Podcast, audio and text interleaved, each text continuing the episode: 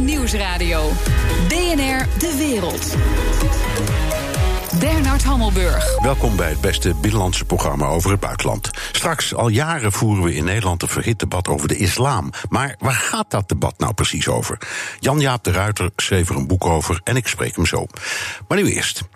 Het Indonesische leger treedt keihard op tegen West-Papua, dat zich wil afscheiden met al meer dan 30 doden. Nu doet de Indonesische president Widodo ineens iets wat lange tijd ondenkbaar was: de deur openzetten voor een gesprek met de separatisten. Papuans are also responding to the allegations of racist abuse on social media, sharing images and hashtags with the slogan We are not monkeys. Indonesia's president has urged an end to the rioting, telling the protesters It's okay to be emotional, but it's better to be forgiving. Ik ga erover praten met Nancy Jouwe, cultuurhistoricus en schrijfster van het boek Paradijsvogels in de polder. Over naar Nederland gevluchte Papua-gezinnen. Welkom, fijn dat u er bent. Dank je. Eerst even kort over uh, uzelf, gaan we straks misschien nog wat meer over zeggen. Maar wat, wat zijn uw eigen wortels? Um, mijn vader was een Papua, Nicolaas Jouwe. En dat was. Uh... Beroemde man. Ja. Ja, u zegt het. Ja. Uh, nou ja, hij was uh, een Papua-nationalist, zou je kunnen zeggen. Uh, ooit vicevoorzitter van de Nieuw-Guinea-raad. En um, ja, ontwerper eigenlijk van de vlag voor een onafhankelijk Papua, de, de Morgenster. Ja. En als je die nu hijst, dan ga je 15 jaar de gevangenis in. Sup. Zo, nou, ehm, even het nieuws dan. Laten we daar beginnen. Eh, we komen direct, gaan we uitvoerig praten over wat er nou eigenlijk allemaal aan de hand is. Maar eerst het nieuws is dat president Widodo zegt... ik wil wel praten met die uh, separatisten. En dat is niet vanzelfsprekend in Indonesië. Is dat een bijzondere stap? Ja, ik denk dat dat hij zich genoodzaakt ziet om dat te doen. Um, omdat het natuurlijk, ja, het, het, vermindert niet, zeg maar, de onrust. En mensen verwachten natuurlijk toch uh, uh, acties van hem. En uh, het feit dat er militair hard optreden is, gaat niet ongemerkt aan, aan ja, de wereld. de wereld begint het te merken. U zit, hier, u zit hier zogezegd niet voor niets. Nee. Nee, het, feit, het feit dat daar meer dan dus, 30 dus doden er, zijn gevallen. Er zijn, er zijn wel um, eerdere gesprekken geweest tussen ja. de toenmalige presidenten van, van Indonesië met Papua's die onafhankelijkheid nastreefden of zelfbeschikkingsrecht. Maar dit is, ja, dat Habibi dit nu doet, is wel inderdaad. Ja. sorry, uh, Widodo, Widodo. dit doet, okay. is wel bijzonder. Als ze zoals in Amerika zeggen, same difference. Ja. Um, wat is het doel? Ze willen gewoon onafhankelijkheid, hè? Ja, nou ja, er is natuurlijk een, een, een gedeelte van de bevolking die inderdaad uh, uh, onafhankelijkheid nastreeft. Maar ik denk wat er nu ook aan de hand is, is dat men roept om een, een, een soort van basisrecht uh, om, om mens te zijn in eigen land en, en burger te zijn in eigen land. Wat, wat ook betekent dat je alles wat daarbij hoort aan rechten en ook plichten mag genieten. En um, ik denk dat papa's heel diep voelen dat ze uh, tweederangs burgers zijn. Uh, dat, dat er eigenlijk uh, structureel op hen neergekeken wordt. En de directe aanleiding voor de huidige onrust is ook omdat um, er op film is te zien dat een, een woedende Javaanse menigte in Surabaya om een studentenhuis heen staat en uh, roept tegen die studenten apen, honden, ja. varkens, uh, dieren. Dat, hoor, dat hoorden we net in dat fragmentenstukje ja. van het begin van de uitzending. En, en uh, dat racisme zit heel diep geworteld in, in die maatschappij. Ja, en dat krijg je er niet uit. Ze, ze willen ook een referendum, hè, als ik het begrijp. ja, eigenlijk. Is de enige kans op dat het ooit gebeurt? Dat moeten we afwachten. Ja. Ik, ik geef de hoop nog niet op. Nee, want het, het, uh, en, maar dan hebben we ook wel politieke druk natuurlijk nodig. Ja, denken alle uh, Papua's, om het maar even simpel te zeggen, om dat woord maar te gebruiken, er hetzelfde over? Nee, dat denk ik niet. Nee. Um, en, um, maar ja, goed, als je. En er zijn allerlei pogingen geweest. Hè. Je hebt bijvoorbeeld ook uh, toen er een, een, een, zwaar, ja, een heel heftig de democratiseringsproces in Indonesië uh, aan de gang ging. Eind jaren 90 en Suharto werd omvergeworpen. Ja. Toen zagen de toenmalige Papua's, uh, Papua-leiders hun kans schoon om een gesprek aan te vragen. Dat is ook gebeurd met de toenmalige president. Toen is er eigenlijk een, een speciale autonomiewet aangenomen. En dat zag men toen allemaal eigenlijk als uh, hoop in bange dagen. Er is toen een enorme uh, financiële injectie uh, naartoe gegaan. er zijn meer politieke vrijheden gegeven. Maar, dat is maar het eindresultaat is toch dat, dat men te weinig ja, in, in, ja, ruimte krijgt eigenlijk. Ja, um, de vraag is of, of Indonesië zich ooit zou kunnen veroorloven om te zeggen: we gaan in op zo'n idee van autonomie of zelfstandigheid. Want ja, ze hebben Oost-Timor al moeten opgeven. Ik denk dat Widodo denkt: van zo lang zal ze leven niet nog een keer zoiets. Linksom of rechtsom, dat doe ik gewoon niet.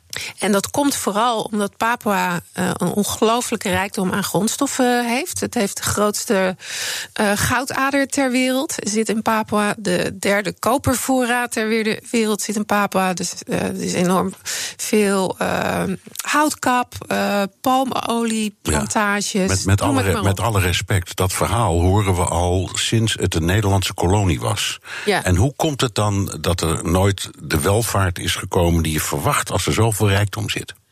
Nou, er zijn heel veel mensen volgens mij heel rijk van geworden, maar, niet de inheemse Papua's nee, inderdaad. Nee, en dat is, dat is denk ik het grote probleem. En uh, daar worden mensen onrustig van. En dan, uh, ja, militairen uh, zijn er dan ook geplaatst. Er is een hele, een enorm aantal militairen daar ook vast gestationeerd.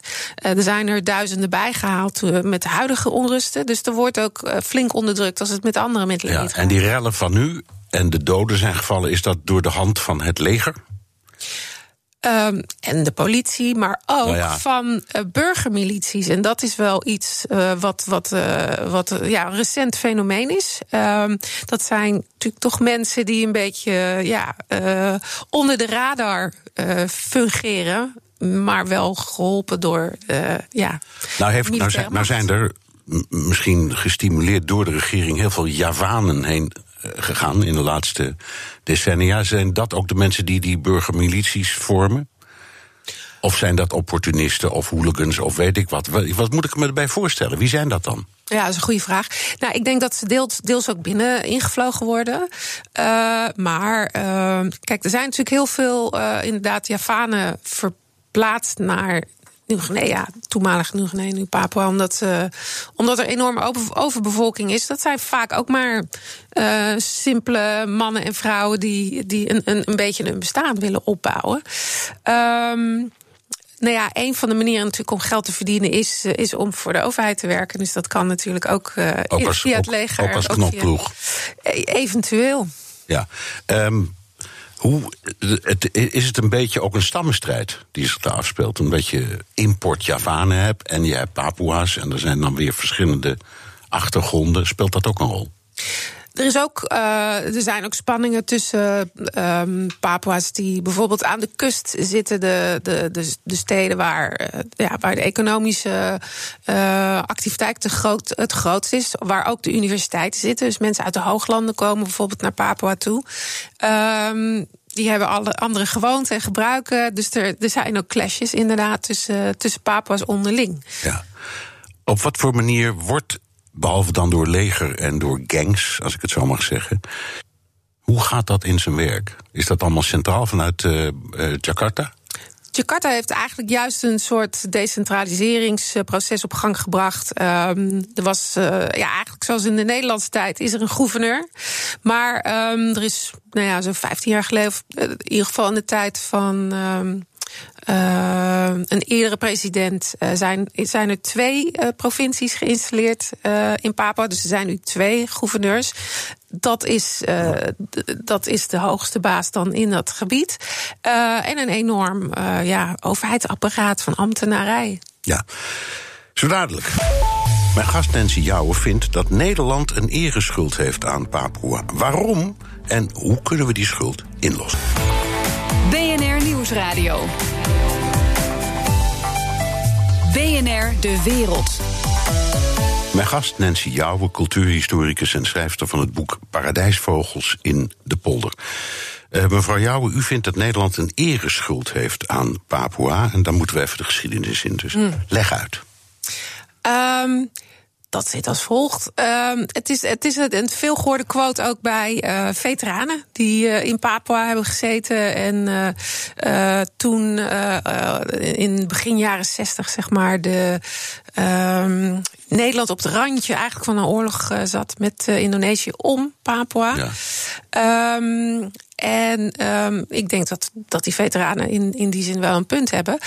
Um, Nederland heeft uh, ja, het gebied gekoloniseerd. Uh, werd onderdeel van Nederlands-Indië. En toen uh, de Indonesiërs zelf in 45 zeiden van na de beëindiging van de Tweede Wereldoorlog van alles goed en wel, maar wij willen geen kolonie meer zijn. Toen heeft Nederland eigenlijk eerst vier jaar oorlog. Toen in 49 werd tijdens de ronde tafelconferentie uh, verdrag getekend tussen Nederland en, uh, en de Indonesiërs. Ja, de zogenaamde soevereiniteitsoverdracht. Een krankzinnig woord. Ja, dus, ja. Is, is, de, Indonesië heeft toen ook heel veel geld moeten betalen. En als een soort reparations zou je dat uh, kunnen noemen. En uh, Nederland heeft toen krampachtig vastgehouden aan, aan Papua. En toen zijn ze eigenlijk pas echt actief geworden. Want voordien deden ze daar eigenlijk niks. Behalve dat ja, de, de katholieken en de protestanten zieltjes ja, veel, aan veel, het Veel missie en zending, veel dat klopt. missie en zendingswerk. En uh, in 49 begonnen ze echt actief te worden. Infrastructuur verder uit te bouwen, uh, onderwijs, gezondheidszorg. En ze gingen zich uh, eigenlijk focussen op, het, uh, ja, op kadervorming. Dus ze zochten. Maar dat was in het kader van de wens om dat, om dat stuk, om die kolonie vast te houden, zou ik maar zeggen. Ja, en, en dat deed men om verschillende redenen. Eén was nou ja, de Indo-Europeanen die niet meer welkom waren in de, in de nieuwe staat eh, Indonesië, moesten ook ergens naartoe. En dan was het eigenlijk handig om. Oké, maar nu even, nu even een paar, uh, ik zou maar zeggen, onaangename kanten van dit hele verhaal. Het zijn er mm. heel veel. Ja. Eerst de onafhankelijkheid van um, Indonesië. Daar heeft Nederland zich enorm tegen verzet. Ja, het is een vier jaar oorlog gevoerd. En uiteindelijk heeft Amerika, Eisenhower, gezegd: als jullie nu dat land niet vrijlaten, dan ga ik jullie schorsen uit de Verenigde Naties. Zo ver is hij gegaan. Ja. Dus er was een, echt een enorm conflict met de Amerikanen. Ja, en later hebben de Amerikanen natuurlijk ook weer een rol gespeeld in de jaren zestig. Um, dus toen, toen heeft, is Nederland in, in 1949 door de knieën gegaan. En uiteindelijk is Indonesië onafhankelijk geworden. En, en dan hebben we dan Nieuw-Guinea, heette dat toen, gehouden. Ja. En toen is Jozef Luns, de toenmalige minister van Buitenlandse Zaken, is eindeloos gaan onderhandelen. Ja, om te... Zijn eigen soort van uh, troetelkindje om dit uh, ja, op een bepaalde manier tot een goed einde te brengen. Ja, maar, maar mijn idee had hij een, een, twee ideeën. Ofwel, het blijft van ons, ofwel het wordt onafhankelijk. Maar het gaat niet naar Indonesië. Ja, hoe het ook zij. Hoe het ook zij. Het was out of spite, zoals de, de, de Engelsen dat zo mooi zeggen. En toen kwam er een referendum of zoiets. En daarvan wist de hele wereld dat het vervalst was. En het was plotseling Indonesisch. Toen zeiden ze, iedereen die stomme lunch heeft de strijd verloren. Is dat uw mening ook? Uh, als u het zo kort samenvat, ja, zou je best wel kunnen zeggen. Maar er zijn natuurlijk allerlei partijen hier, uh, hiermee bevriend. Wie nog meer? U zei het zelf al, de Amerikanen. Dus uh, um, terwijl in Nieuw-Guinea men zelf dacht van wij gaan inderdaad richting onafhankelijkheid. We gaan een parlementair orgaan, de Nieuw-Guinea-raad oprichten. We gaan een vlag ontwikkelen. Dat heeft mijn vader gedaan. De Morgenster. Dus er werden allerlei stappen ondernomen, symbolische stappen die een onafhankelijke staat eigenlijk als vergezicht hadden. Terwijl dat zeg maar in Papua zelf gebeurde, was de wereldpolitiek ergens anders mee bezig. De Koude Oorlog was natuurlijk uh, aan, de, aan de gang. Men was bang natuurlijk ook voor een, een vergrote, van, vergrote invloed van de communisten in Azië. Sukarno was natuurlijk ook wel, nou, die vond dat ook best aardig, communisme. Toenmalige, toenmalige president. Van, Precies, de eerste president. En um, dus er ontstond een, ja, een, een enorm spanningsveld. Sukarno is toen eigenlijk ook ja, zowel bij de Russen als bij de Amerikanen gaan lobbyen om Nederland uh, ja, eigenlijk uh, Papua afhandig te maken. En, met, heeft, en met succes. Precies, is daar ook in geslaagd, omdat ze eigenlijk um, de wind mee hadden in een. En nu kun je, ja, nu kun je zeggen. een decolonisatieproces aan precies, de gang. Nu kun je zeggen, die smerige Amerikanen hebben Nederland laten vallen. En Nederland was een te klein landje om in zijn eentje zo'n klus te klaren.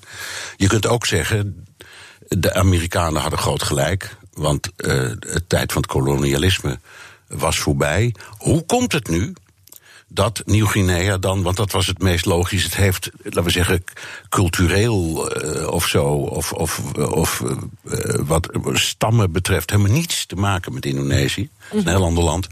Hoe komt het dan dat het uiteindelijk niet heeft geleid tot onafhankelijkheid?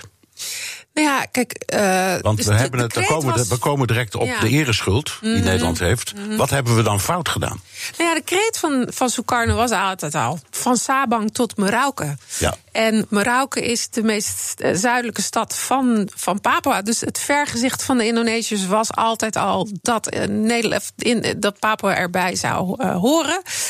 En ja, Papua was administratief gezien ook onderdeel van de kolonie Indië. Dus waarom zou dat niet allemaal dan nu de republiek worden? Dat was natuurlijk ook uh, de redenatie van de Indonesiërs. Uh, en, en, daarin, en, en daarin zijn ze gesteund, vooral, vooral door de Amerikanen, ook wel door de Russen, maar die, ja. hadden, die hadden dan het motief nou ja, die hebben onder andere wapens geleverd. Ja, omdat, omdat Sukarno uh, flirte met het communisme, dus dat begrijp je dan van de toenmalige Sovjets precies. Ja. Maar het gaat er dan even om. Nou, hij was denk ik ook een slimmere diplomaat dan Luns, zou je kunnen zeggen. Ja, goed. u zegt, uh, want daar hadden we het dan over, en dat is ook een van de redenen waarom we u hebben uitgenodigd. Nederland heeft een ereschuld. Waarom? Die, die Luns heeft toch zijn best. Hij heeft wel verloren, maar heeft toch zijn best gedaan. Ja, daar, daar kun je over twisten of hij zijn best heeft gedaan. Op een gegeven moment moest hij zijn centen tellen. En uh, hij verloor het natuurlijk gewoon in het diplomatieke spel. En hoe? Ja. Precies. En, maar, hij, uh, hij, maar hij Nederland was, heeft daarmee. Hij was meer dan twee meter lang, geloof ik. Maar het was in de wereldpolitiek een klein mannetje. Ja, nou, ja. blijkbaar wel. En uh, vervolgens hebben ze. Ja, de papa is natuurlijk eigenlijk hartstikke in de steek gelaten. Terwijl ze eerst heel drukdoende met hen waren. En de, de soort, vanuit een soort naïviteit ook iets geïnstalleerd in de hoofden van Papua's. Wat vervolgens als een, een droom uit, uit, uit elkaar spatte. Dus, um, uh, en, en wilde daar zelfs een oorlog voor voeren. We hebben er een marineschip naartoe gestuurd als Nederland. Uh, er, er zijn daar militairen gedropt. er zijn veteranen die mij ja, tot ver, nou, tot aan nu bij wijze van spreken hebben gecontact om, om te zeggen. Nederland ze, had het zo beloofd. Net, net hoe, zoals, hoe, hoe ze zich feite, daarover voelden nog. Net zoiets als wat met de Molukkers is gebeurd. Ja, in feite wel. Ook, ook daaraan heeft Nederland gezegd: wij zorgen dat jullie een onafhankelijk land krijgen. Ja. En vervolgens uh, konden en ze. vervolgens komt het niet door. Konden, ze konden ook helemaal niet waarmaken. Nee, en daarom bedoel ik, kijk, schuld. Je kunt zeggen: iemand heeft een belofte gedaan. En die deugde niet omdat je hem niet waar kon maken. Maar om nou van schuld te spreken. Ze hebben wel geprobeerd met dat marineschip, met al die onderhandelingen, met de 8000 reizen die Luns heeft gemaakt daarheen om met iedereen en alles te onderhandelen. Dus hoe kun je dan zeggen we hebben schuld? Ja, nou ja, daar kunnen we toch, toch netjes over van mening verschillen. Ja. Maar kijk, ik vind dat Nederland toch gewoon echt de grote schoenen heeft aangedaan. Daar dingen heeft uh, in gang heeft gezet. Uh, en, en, en daar ook ja, een, een mede verantwoordelijkheid. Oké, okay, nou, u, u, u, hebt recht van spreken. uh, als, nou ja, mijn als hele dochter, leven is er dochter, natuurlijk als, voor dochter van de, als dochter ja. van een van de hoofdrolspelers, zou ik maar zeggen. Um, hoe moeten we die schuld, wat is die schuld en hoe moeten we hem vereffenen? Nou, ik, ik heb daar niet heel veel uh, fiducie in dat daar, dat daar nou veel uit uh, terechtkomt. Maar ik, ik heb tegenovergesteld natuurlijk ook gezien dat er uh, hè, door Rutte met een hele handelsdelegatie en twee ministers in zijn kielzog in Indonesië natuurlijk enorm werd gelobbyd voor handelsbelangen. Handelsbelangen zullen altijd, of het nou in de VOC-tijd was of nu, zullen altijd de boventoon voeren. Ja. Maar um, ik denk wel dat dat. dat dat, ja, dat, dat het als een morele kwestie uh, steun zou mogen krijgen. Ik, ik noem, ik noem iets wat, wat er misschien op lijkt. Um, ben Bot, toen die minister van Buitenlandse Zaken was, die was geboren in Indonesië. Nederlands-Indië. En die is de minister geweest destijds die heeft gezegd: nee, we hebben historisch ongelijk. Ja. Die onafhankelijkheid was al ja. degelijk al dat in 1945. Zou ja. zoiets helpen? Zo'n soort van. Als, als, uh, ik zou maar Zeker zeggen, weten. als Stef Blok zo'n verklaring zou doen. Gaat van niet we doen, maar, maar dat zou wel heel mooi zijn. Oké. Okay. Nog even tenslotte terug naar uzelf. Vertel nog even over um, uw vader. Ja. Want dat, dat is een mooi verhaal. Hij heeft een vlag ontworpen. Hij was een man die leefde van het idee van onafhankelijkheid en verzet. Maar hoe is dat verder gegaan? Ja, dat verzet heeft hij eigenlijk 60 jaar lang uh, gedaan. 40, ruim 40 jaar daarvan in ballingschap in Nederland. En vervolgens uh, heeft hij tien jaar geleden eigenlijk een, een, uitnodiging gehad van de Indonesische overheid om eens te komen praten. Dus vandaar dat ik zeg, het, komt, uh, het is vaker gebeurd. Uh, hij heeft na heel lang en diep nadenken dat die uitnodiging aangenomen. Dat is hem niet in dank afgenomen door de Papua-gemeenschap hier. Nee, maar ik vind, hij was ook, ik vind het wel flink. Als ik, ik vond het ook flink, voor, zeker voor een man van toen 85 jaar. Ja. En hij zag ook geen andere mogelijkheden en wegen meer. En ik, ik vind dat hij daar ook echt van spreken in had. Hij heeft daarin een hele autonome keuze gemaakt. Um, uiteindelijk was hij natuurlijk te oud om uh, echt uh, een verschil te kunnen maken. Maar um, hij is uh, nu ook wel gewoon twee jaar geleden overleden in zijn eigen, op zijn eigen eiland begraven. Ja. Nou. dus hij heeft gelukkig daar wel zijn rust kunnen. Misschien moeten we dat zien als metafoor of symbool voor iets wat misschien toch langzaam goed kan komen. Ik ben u dankbaar voor uw komst. Nancy Jouwe, cultuurhistoricus en schrijfster van het boek Paradijsvogels in de polder. BNR Nieuwsradio. BNR De Wereld. Bernard Hammelburg. Het nieuwe Brexit-plan van Boris Johnson gaat het niet halen. Tijd om ons druk te maken over andere zaken. Namelijk het uitstellen van de Brexit. Johnson zegt daar nooit om te zullen vragen. Maar misschien hoeft dat ook niet, want wie zegt dat het Boris is die daarom moet vragen? Europa-verslaggever Jesse Pinster, deze tekst is van jou, die ik nou lees. En Helemaal staat, mijn verantwoordelijkheid. Staat, staat nog wel wat in. Uh, de, de, hij, hij, gaat het niet halen. Nee. Uh, in Brussel hebben ze gezegd dat ze het voorstel bestuderen.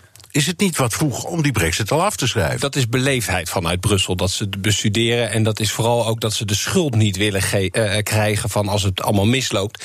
Er is al een uitgelekte memo vanuit Downing Street 10, dus het kantoor van Boris Johnson, aan alle partijleden. Maar ze zeggen van als die Europeanen het afwijzen, dan moet je zeggen dat ze helemaal crazy zijn en dat het allemaal hun schuld is. Dus die gedachte is niet zo gek eigenlijk.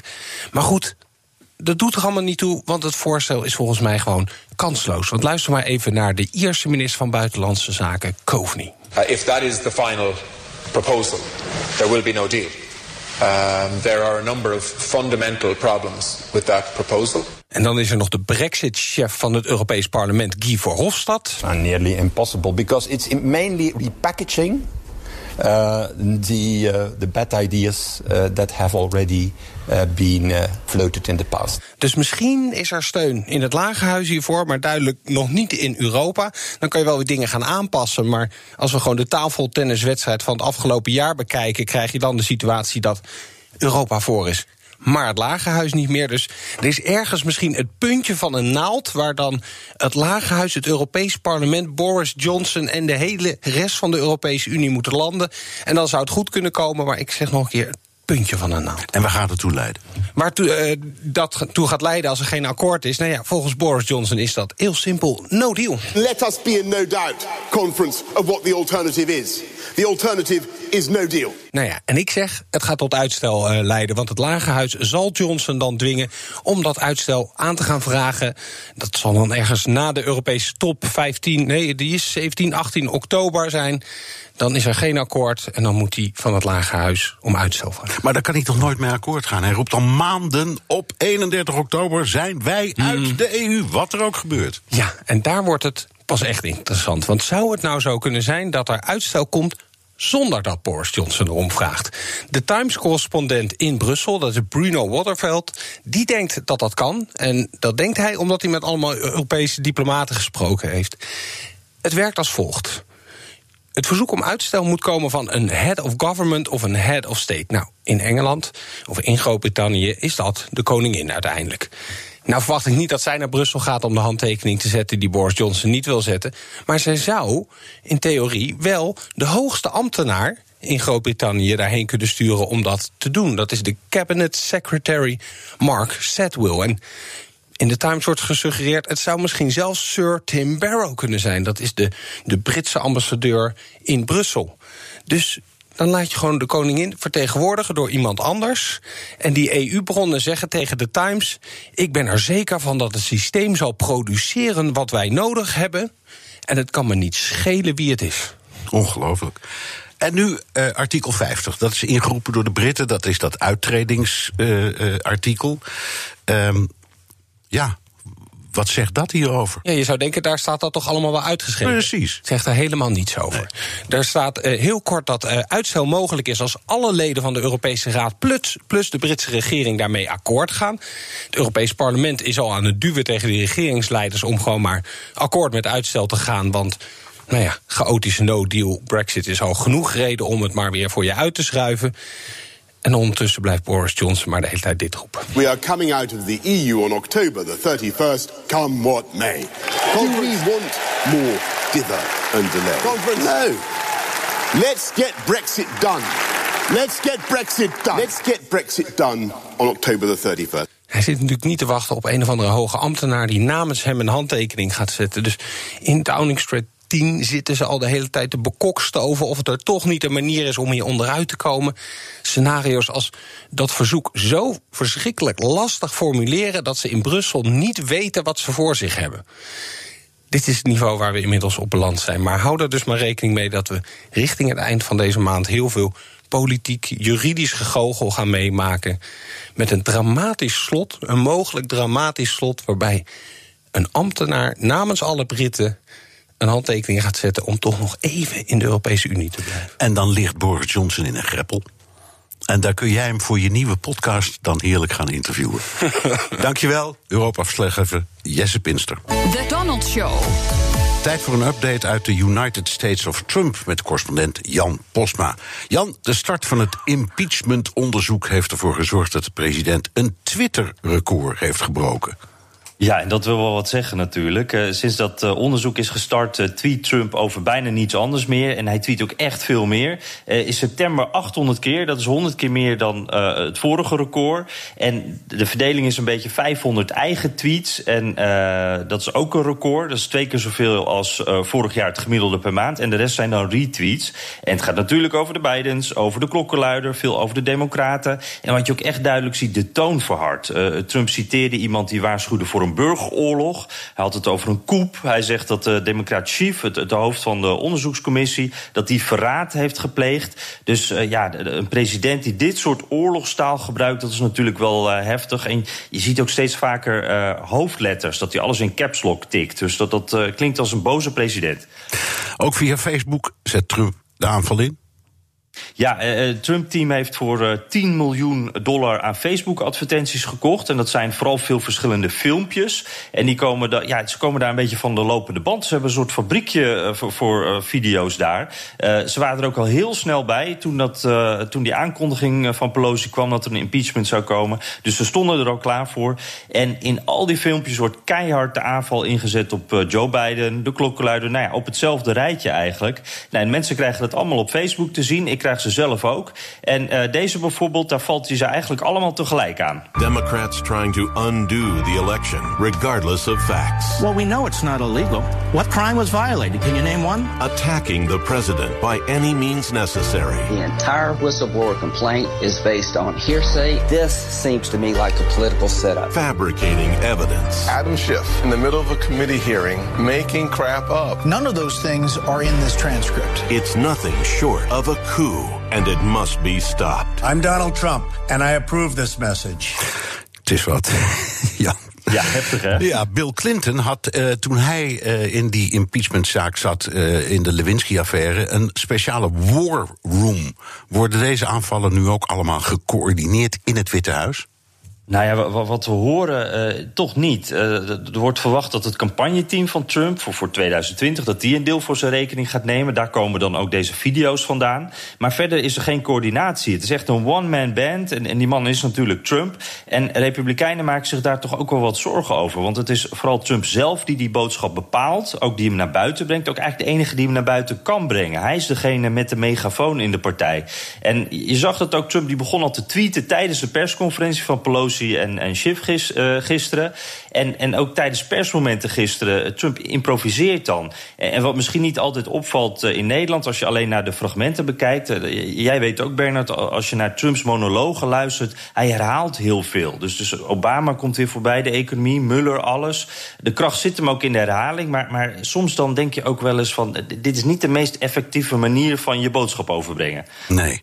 even iets wat me dan uh, te binnen schiet. Kun jij nog steeds zien of hij zo'n tweet zelf heeft geschreven... of dat hij voor hem is geschreven aan het taalgebruik en aan de formulering? Want er, daar ja. zijn hele studies van gemaakt door journalisten, hè? Ja, ja, ja, klopt. Ik volg ook een paar Twitter-accounts nog steeds die dat dan met zo'n, uh, met, ja, op een bepaalde manier met computers dan kunnen uitrekenen uh, of het echt van Trump is of niet. En, en ja, je ziet dan wel, ja, je ziet gewoon heel duidelijk het verschil. Als het die hele boze tweets zijn, die zijn allemaal van Trump. Uh, van retweets kan je het natuurlijk niet zien, maar, maar ja, die, die lijken ook, die passen heel erg in die toon. en de wat ja, meer zakelijke boodschappen, zeg maar, waarvan er steeds minder zijn eigenlijk op zijn Twitter-account, ja, die zijn dan vaak van medewerkers. Van de echt steeds minder. Oké, okay, en wat kunnen de Democraten hier nou tegenover stellen? Ja, uh, Bernard, tot nu toe nog niet veel hoor. Want uh, hun woordvoerder is tot nu toe Nancy Pelosi natuurlijk. Maar, maar die mist die megafoon Twitter-account. De, de manier waarop Trump toch iedereen in zijn greep houdt met wat hij zegt. En zij zijn ook wat meer verdeeld. Hè. Uh, zijn natuurlijk, zij zitten midden in die, die voorverkiezingen. Dus ze hebben maar uh, 3 miljoen aan spotjes uitgegeven. Veel minder dan die 10 van, van de Trump-campagne. En die worden betaald door Tom Steyer, uh, democratische presidentskandidaat, miljardair ook. Is er in het oktoberdebat nog bij, maar echt kans maakt hij niet. En zij zijn een beetje van, van doelwit gewisseld. Want ze waren altijd gericht op de Democraten om die over te halen tot impeachment. Nou, dat hoeft nu niet meer. Dus nu gaan ze zich richten op Republikeinen. Dan specifiek een aantal Republikeinse senatoren. Uh, Susan Collins, Joni Ernst, dat soort mensen. Allemaal senatoren die aan hun herverkiezing moeten denken. En dat klinkt dan zo. What does it mean to be an American? With all that our country stands for, how can we have a president who thinks the law doesn't apply to him? Who would bargain away the security of our nation and our elections for his own political gain? We are patriots who have always protected democracy. Will our senator? Tell Martha McSally to put country over party. Need to impeach is responsible for the content of this advertising. Ja, dus dit is echt patriotisme, vechten voor je vaderland. Een goed gevoel daarbij proberen over te brengen. En die senatoren, deze paar, maar nog veel meer hebben ze natuurlijk in die tweede fase van impeachment. Als het onderzoek voorbij is en als er in de Senaat straks een keer moet worden gestemd, dan is een driekwart meerderheid nodig. En ja, het, het is nu nog uh, 57 om 43 in het voordeel van uh, de Republikeinen. Dus er zijn nog heel wat Republikeinen te overtuigen. Ja, ik uh, pink een traan weg, Jan, en ik dank je. Correspondent Jan Postma in Washington. En zo dadelijk, we maken in Nederland al jaren opgewonden ruzie over de islam. Maar waarover debatteren we eigenlijk en wat heeft het debat nou eigenlijk opgeleverd? Dat bespreek ik zo met Jan-Jaap de Ruiter, die hier een boek over schreef. BNR Nieuwsradio. BNR De Wereld. Geen enkel maatschappelijk debat ging de afgelopen decennia gepaard met zoveel krachttermen als dat over de islam. En wat er nu staat in het Arabisch boven het zwaard, wat het geweld symboliseert van de islam, is dat de islam een leugen is, Mohammed een crimineel en de Koran uh, vergif. Ik ga erover praten met Jan-Jaap de Ruiter, Arabist aan de Universiteit Tilburg en co-auteur van het nieuwe boek Wordt het nog wat met het islamdebat? Het ligt hier voor me. En we hebben het tot nu toe moeten doen met van die verschrikkelijke pdf-vellen, maar we hebben dan eindelijk het boek. Dankjewel. Alsjeblieft. Fijn dat je er bent. Um, er staan 15 verschillende auteurs, hm. uh, bekende moslims, uh, islamcritici, uh, een stuk van jouzelf. Hm. Vertel maar. Ja. Beantwoord de vraag: waar gaat het uh, islamdebat ja. nou eigenlijk over? het is trouwens, ik ben niet auteur, ik ben redacteur. En namens Gert-Jan Geling, mijn collega uit Den Haag. Ja, maar dat is bescheidenheid. Waar, okay. waar hebben we hier niks aan? Oké, okay. nee. dan, dit is mijn boek. Klaar. Zo is dat. Ja. nee, het leek ons uh, een, een, zinnig idee om. Kijk, het ging ons bij dit initiatief voor dit boek niet zozeer om de vraag van. Uh, hoe moet het nou verder met islam en moslims en wat iets meer zijn integratievraagstuk. Maar meer van levert dat debat wat op? Heeft, ja. heeft dat tot iets geleid? Um, en het feit alleen, die vraag stelden wij. Want boeken over hoe het verder moet met islam, die zijn er natuurlijk al talloze. Maar nu gaat het meer van dat praten met elkaar. Werkt dat, werkt het niet? En dan dachten dan pakken we verschillende mensen uit, weet je, uit uh, verschillende actoren in het debat. En dan vragen we hun visie. En in het zoeken naar auteurs voor dit debat. Want uiteindelijk zijn het 15 hoofdstukken, inderdaad, inclusief twee van ons, hè, van Gertjan en mij, dus 13 mensen van anderen. Is een hele, er is geen sinecure geweest. Nee. Heel veel mensen hebben En als weigeren. Ik, en als ik, ja, als ik zo mag zeggen, Ja. het, ik, ik hou het maar even simpel, maar dit zijn meer de conservatieve Nou, ja, opiniemakers, als ik het zo mag zeggen. Ja, ja, nee, nou iemand als Halim al-Matkouri, die Nou, staat toch wel links. Boris van der Ham. en, Jor en, en Van Klaveren, die moslim is dat is geworden. en zo. natuurlijk- goed, oké. dat is natuurlijk mooi dat ze erbij ik, hebben. ik, ik- niks ten, on, niets Nee, ten, nee, nee, ten nee. ongunste van die mensen. Ja, ja. Maar ik zie geen link, links eh, gedachtegoed hier. Nou, het punt is, we hebben natuurlijk eh, alle, alle gremia uitgenodigd, ook linkse politici. En ook collega's, hè, dus academici in dit veld. Ik kan natuurlijk geen namen noemen, maar ze wonen hier in Amsterdam. en eh, nee, die deden allemaal niet mee. En ook veel moslimma's. Hè, dus, want er zitten, behalve Ayaan Hirsi Ali hebben geen vrouwen. vrouw? Nee. En die hebben allemaal geweigerd, heel vaak, omdat ze hoorden dat Afshin Elian ook in het boek zit. Ja, en dat, dat, dat is de, voor hun de duivel. Dat was de De steen des aanstoots, want Afshin heeft ooit dat en dat en dat en dat gezegd. Eh, nou, ehm, moet toch even, hoewel je zegt, ja, daar gaat het eigenlijk niet over, toch te zijn. Als je praat over islam, naar mijn idee, drie eh, problemen die voortdurend terugkomen: het begrip inburgering, het Ja. begrip aanpassing en het begrip taal. Ja. Is het zo dat het, debat daar in feite voortdurend om draait? Ja. Nou, de taal, weet je, het taalelement, dat, dat wordt met de loop der jaren natuurlijk minder. Want, omdat eh, de nieuwere generaties Ja, die dat. spreken allemaal prima Nederlands, dus er prima mee communiceren. Maar het is inderdaad het. Het was, eh, je zei inburgering, het was de tweede ook Ja, weer? ja, ja, aanpassing en taal. Aanpassing, ja. Ja, ik verzin ze zelf, staat niet in zo. Ja, maar inburgering, aanpassing kan je ook vatten misschien wel onder het hoofdje, toch? Integratie. Ja, precies. Eh, eh, Nou ja, voor het woord, ik zeg voor het woord inburgering is Ja. behalve in het Duits in geen enkele taal een, een woord. Dus dat, dat, Volgens mij in het Arabisch bestaat het wel. Maar dat dat zou kunnen. Ja. Nee, maar dat is, dat is inderdaad wel een ding. En als je de hoofdstukken leest, dan zie je dat sommige auteurs ook gewoon eigenlijk toch stiekem geschreven hebben over het islamdebat. Over die inburgering, over die aanpassingen. Bijvoorbeeld iemand als eh Youssef Asghari probeert allerlei vooroordelen weg te nemen. Eh, en, ehm, en, en andere auteurs, eh, zoals Karel Brendel, die zegt van de, die, de moslims nemen de zaak niet over, maar pas op voor de islamisering. Dus ze doen het uiteindelijk toch wel. ja, maar het is, laat ik het dan Ja. zo zeggen, die drie die thema's, taal, aanpassing, inburgering. Als je het vergelijkt met andere, met de geschiedenis van andere minderheden die naar Nederland zijn gekomen, die hebben wel vaak hun cultuur en ook vaak hun taal weten vast te houden, maar die zijn allemaal op een geweldige manier, of meestal op een geweldige manier ingeburgerd. Die hebben gevochten om Nederlandser te worden dan Nederlands. Dat klopt. Bijvoorbeeld, nou ja, het, klopt, het bekende voorbeeld is natuurlijk, maar dat is meteen ook een historisch heel gevoelig punt, de Joodse gemeenschap in Nederland. Er was in de 19e eeuw een actieve politiek vanuit de overheid om hen te doen integreren en Nederlands te leren. En dat ze geen Spaans en Jiddisch en Portugees meer gebruiken. Dat is ook wel gelukt. Nou, het was een eis voor de gelijkschakeling. Ja, En, en, en in die zin is dat ook wel gelukt. Alleen, Joden bleven toch vaak in de ogen van, laat me dan zeggen, niet-Joden, toch de Joden. Ja. En we hebben gezien waar dat toen natuurlijk geleid heeft. En dus, dus wat dat betreft blijft. Blijf, maar dat is misschien ook allemaal niet zo, zo, zo rampzalig. Nee. Hè? Dat, je, dat je Jood blijft of. eh, nou ja, uiteraard. of, of Suriname, want dat kun je ja, of zien. whatever, ja. Of, of dat is allemaal waar. Maar, maar goed. Even eh, een eh, breaking news. BNR Breaking News. De politie heeft een man opgepakt die wordt verdacht van betrokkenheid bij de liquidatie van Dirk Wiersum. De strafrechtadvocaat, de kroongetuige die kroongetuige Nawiel B. bijstond, werd op straat in de buurt van zijn Amsterdamse woning doodgeschoten. Zodra we meer weten, hoort u het natuurlijk hier op BNR. En dat gebeurt zeker in Spitsuur, dat eh, dit programma om vier uur volgt. Ehm terug naar, eh, eh, la- laten we zeggen, alle thema's daar eh, rondom en, en, en de strekking van het boek. Want daar heb ik het Mhm.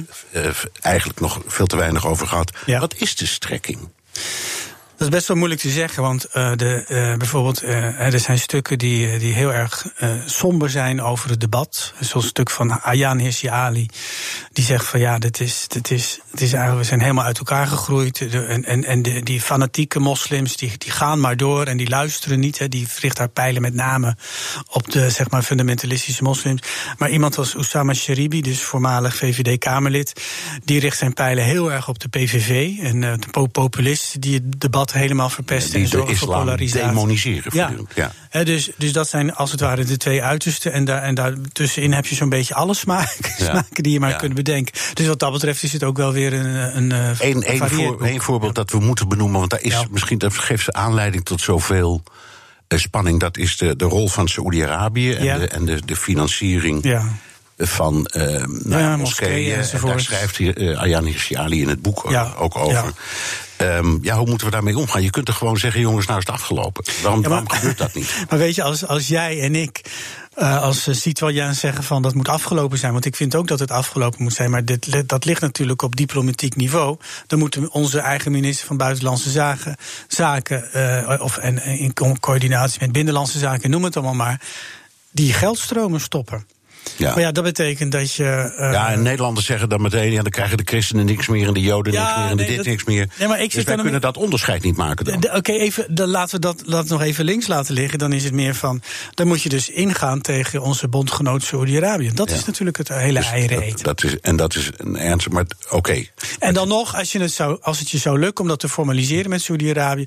dan zijn er altijd nog individuele privé Dat geldschieters daar. maar we hadden het net over aanpassing en inburgering. Ja. Ehm, en, en je gaf het voorbeeld van de Joden. Die hebben Ja. hun best gedaan, maar werden nog altijd een beetje aangekeken Ja. als Joden. Dat is waar. Maar hier gebeurt het, het omgekeerde. Deze, deze mensen willen dat wij onze Ja. samenleving herschikken naar hun model. Ze komen hier naartoe en vervolgens moeten wij worden wat zij zijn. Je bedoel je hiermee met de Saoedische Saoedisch- propaganda? Ja, ja, ja. ja en, die, en die richten hun pijlen op de eerste plaats op de moslimgemeenschap hier in Nederland. Want die, die, die zijn natuurlijk willige slachtoffers eventueel. Het antwoord op jouw vraag ligt dan ook in de moslimgemeenschap zelf. Ja. Die moet zichzelf als het ware zuiveren van dit soort eh, kwalijke invloeden. En dat, daar, daar is ook best wel beweging aan pas hè, met die hele kwestie van het salafistisch onderwijs. Aan, aan de kaak gesteld door Nieuwsuur en, eh, en, en NSC Handelsblad. Ja. Toen hoorde je ook sommige moskeeën van ja, maar dit willen we eigenlijk helemaal niet. Nee, en we maar willen niet in het kamp zitten. En, en dat was dan meer het, het argument wat je zei, ik zou maar Ja. zeggen, uit VVD-hoek. Van je moet ook goed kijken naar wat het populisme hier aan, aan de sfeer verpest. Ja, ja, ja. ja. Nou, is het, eh, geeft de, gaat het moslimdebat eindigen of tot iets leiden? Kijk, Of weet je, moet- moeten, we moeten we vrezen dat het bij dit gesprek verder blijft? Weet je, in een goede democratie wordt er constant gedebatteerd over alle onderwerpen. Nu ook bijvoorbeeld over klimaat, daar zijn we nog wel honderd jaar mee bezig. Dus over dat islamdebat, dat gaat vrolijk door. En eh, soms groeien we uit elkaar en soms komen we weer dichter bij elkaar. Dus ik ben daar wat dat betreft optimistisch over. Dus over tien jaar maken we weer zo'n boek. Dank, Jan-Jaap de Ruiter. Je komt hopelijk eerder weer voorbij. Arabist aan Tilburg University en co-auteur van het boek Wordt het nog wat met het islamdebat. Tot zover BNR De Wereld. Reageren kan via dewereld.bnr. Terugluisteren via de site, de app, iTunes of Spotify. Tot de volgende week.